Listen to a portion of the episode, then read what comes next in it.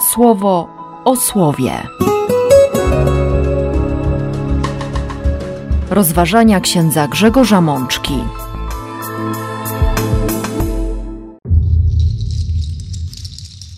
Dwudziesta pierwsza niedziela zwykła, rok C.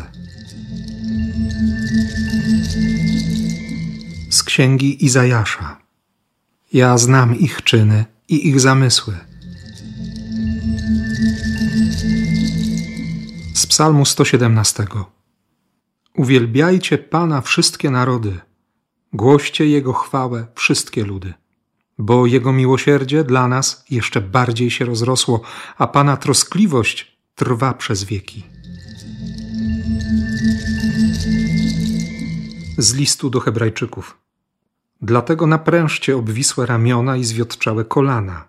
Prosty zostawiajcie za sobą ślad waszych stóp, aby choć co utykające nie schodziło z linii, lecz raczej się naprawiło. Z Ewangelii według świętego Łukasza. Starajcie się wejść przez wąską bramę, bo wielu, oświadczam wam, będzie próbowało wejść, a nie zdoła. Siostry i bracia, przed nami kolejna liturgia słowa, kolejny dar Boga, przez który możemy wejść w jeszcze głębszą, konkretniejszą, jeszcze bardziej intymną relację z naszym Stwórcą. Zresztą o tym jest dzisiejsza Ewangelia, ale zanim do niej dotrzemy, to zatrzymajmy się choć przez chwilę we wcześniejszych trzech tekstach. Najpierw ostatnie wersety księgi Izajasza, 66 rozdział, między 18 a 21 wersem. Chwilę wcześniej Izajasz przekazuje słowo Boże: Oto bowiem Pan jak ogień przybędzie, a jego rydwany bojowe jak burza. W ogniu Pana na całą ziemię zapadnie wyrok. A jeszcze wcześniej, jak kogo matka pociesza, tak ja będę was pocieszał. Sami tego doświadczycie. Rozraduje się serce wasze. Wasze kości odmłodzą się jak trawa.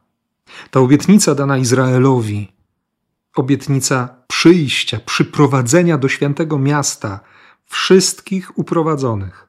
Co więcej, wszystkich pogan, bo ten tekst odnosi się do narodów pogańskich. Nadchodzę, aby zebrać wszystkie narody i ludy mówiące odrębnymi językami. To jest wizja przygarnięcia, właściwie dania możliwości zbawienia tego pragnienia zbawienia, które jest w Bogu wobec każdego człowieka, bez wyjątku. Nie jest tak, że Bóg niektórych chce zbawić.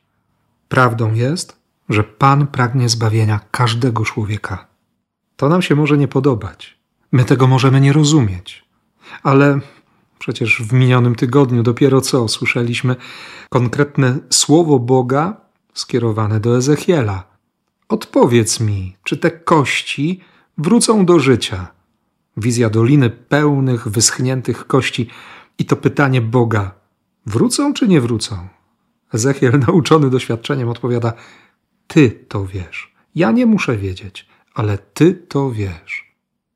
My naprawdę nie musimy Bogu tłumaczyć, kim on jest, nie musimy mu wmawiać tego, co on powinien zrobić. Natomiast my potrzebujemy dzień w dzień nawrócenia naszego serca, to znaczy wewnętrznej zgody na to, by Bóg robił to, co dla nas dobre, byśmy przyjęli to, co dla nas jest dobre, co jest darem Bożym. Proście, a będziecie zdolni przyjąć. Dlatego Pan o tych, którzy go nie znają, którzy nie oddają mu chwały, mówi: Ja znam ich czyny i ich zamysły więc przychodzę, by zebrać wszystkich. Oni będą świadkami mojej chwały. Oni, poganie, będą świadkami mojej chwały. Od razu rodzi się we mnie pytanie: a co ze mną? Skoro znam Boga, co z nami? Przecież jesteśmy uczniami Jezusa.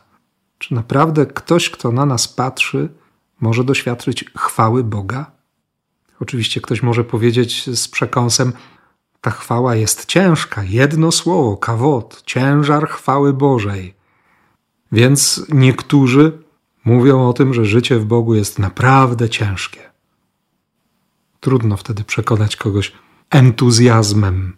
Pokazać, że nas Ewangelia porywa, że nam daje życie, że jest, że jest słowem miłości. Pewnie dlatego papież Franciszek tak bardzo upiera się, byśmy jako kapłani, jako pasterze, jako starsi, prezbiteroi, tak, starsi, mówili o miłości Boga. Oczywiście to nie jest miłość naiwna, to nie jest miłość, która łudzi albo zwodzi. To nie jest też miłość, której nie warto szanować, której nie trzeba szanować. Ale czasami, i nie tylko ja odnoszę takie wrażenie, wydaje się, że, że mało w nas tego przekonania o miłości Boga i wynikającej właśnie z tej świadomości miłości Stwórcy inicjatywie odpowiedzi, odpowiedzi, którą jest życie, którą jest życie dla drugiego. Mamy z tym chyba troszkę pod górkę. I dlatego właśnie komentarzem do tego pierwszego czytania jest najkrótszy psalm z Księgi Psalmów, psalm 117, dwa wersety. W przekładzie Biblii pierwszego Kościoła to jest tylko jedno zdanie. Wezwanie do uwielbienia Boga, do głoszenia Jego chwały przez wszystkie narody, przez wszystkie ludy, bo Jego miłosierdzie dla nas jeszcze bardziej się rozrosło. Wydawałoby się, że nie można więcej, a jednak, a jednak On jeszcze bardziej kocha, albo inaczej. My mamy szerzej otwarte serce i widzimy, że ta miłość przekracza wszystkie wyobrażenia, że troskliwość Pana trwa przez wieki. On nie zapomina, On nie rezygnuje. On się nie wyrzeka. Będzie nas rodził do życia. Będzie okazywał miłosierdzie. Od nas zależy, czy to miłosierdzie przyjmiemy, czy będziemy nim żyć. Czy uwierzymy jeszcze raz, i jeszcze raz, i jeszcze raz uwierzymy miłosierdziu Pana. Oczywiście to też wymaga konkretnej pracy. O niej mówi nam autor listu do Hebrajczyków usłyszeliśmy przed tygodniem, że jeszcze nie opieraliśmy się aż do przelewu krwi, walcząc z grzechem. Nowy przykład dynamiczny łączy ten czwarty i piąty werset. I dlatego możemy przeczytać albo usłyszeć, a chociaż w walce z grzechem nawet nie doszliście jeszcze do sytuacji, w której musielibyście poświadczać swą wiarę krwią, to już zdajecie się zapominać o troskliwym pouczeniu, którego udziela pismo każdemu, kto wchodzi do Bożej rodziny. No właśnie, jeszcześmy nie doszli w walce z grzechem do sytuacji, w której trzeba by wiarę poświadczać krwią, a już zapominamy. Autor listu przypomina tutaj Księgę Przysłów, kładąc jakby na serce wierzących konkretną troskę, by nie lekceważyć lekcji wychowania, któremu Pan poddaje w miłości i mądrości, by nie podupadać na duchu, gdy On koryguje, bo Pan szlifuje charakter każdego człowieka, którego łaskawie przyjmuje do swojej rodziny. Tak, ta relacja, relacja z Nim zmienia, zmienia nas jeśli nasza modlitwa, jeśli nasze uczestnictwo w sakramentach nic nie zmienia, jeśli jesteśmy tymi samymi ludźmi, to trzeba sobie zadać pytanie, co jest nie tak, bo łaska przecież działa. Ewangelia nie działa tylko wtedy, gdy nie jest głoszona. A zatem i tutaj autor listu do Hebrajczyków przychodzi z konkretną odpowiedzią. Napnijcie osłabłe ramiona, wzmocnijcie omdlałe kolana. Starajcie się chodzić prostymi i równymi ścieżkami, aby wasze słabości nie pogłębiały się, lecz doznawały uzdrowienia. Po prostu. Oczywiście to słowo łatwo przeczytać, trudniej się z nim zmierzyć w konkretnej codzienności. Ale również po to jesteśmy Kościołem, po to mamy wspólnotę Kościoła, aby sobie nawzajem pomóc i modlitwą, i obecnością bo przecież nasze życie jest łaską, zbawienie jest łaską, życie sióstr i braci jest łaską. I o tej łasce również mówi dzisiaj Jezus w Ewangelii. Ktoś zagadnął Jezusa: Panie, z tego co mówisz, wygląda, że niewielu będzie zbawionych. A on odpowiada: Ze wszystkich sił walczcie o to, by dostać się do Bożego Królestwa. Ostrzegam was, że wielu będzie chciało tam wejść lecz wejdą nieliczni, gdyż brama jest ciasna. A kiedy władca królestwa powstanie i zatrzaśnie bramę, Wielu z was, znajdujących się na zewnątrz, będzie z rozpaczą walić w nią pięściami i wołać: Panie, otwórz nam! Lecz on tak wam odpowie: Nie znam was. Skąd się tu wzięliście? Wtedy będziecie krzyczeć: Jak możesz nas nie znać?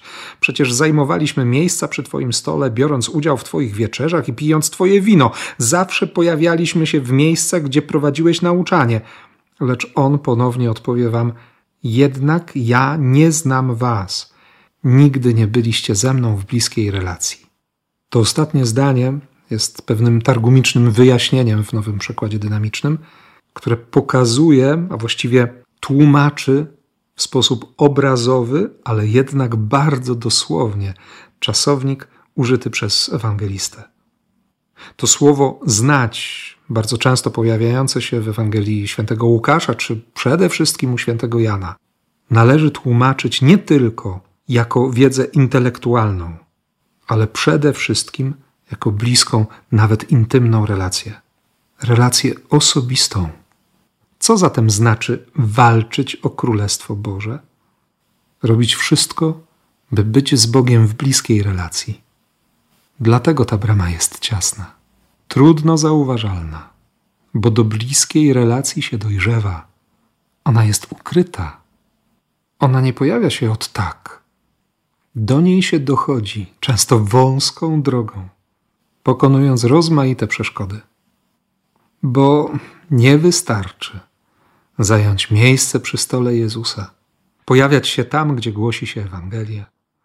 To jest ważne, dla niektórych najważniejsze, bo uchwyci ich oko kamery, ale to nie gwarantuje zbudowania relacji. Tę zdobywa się długimi godzinami samotności, a właściwie bycia sam na sam z Bogiem.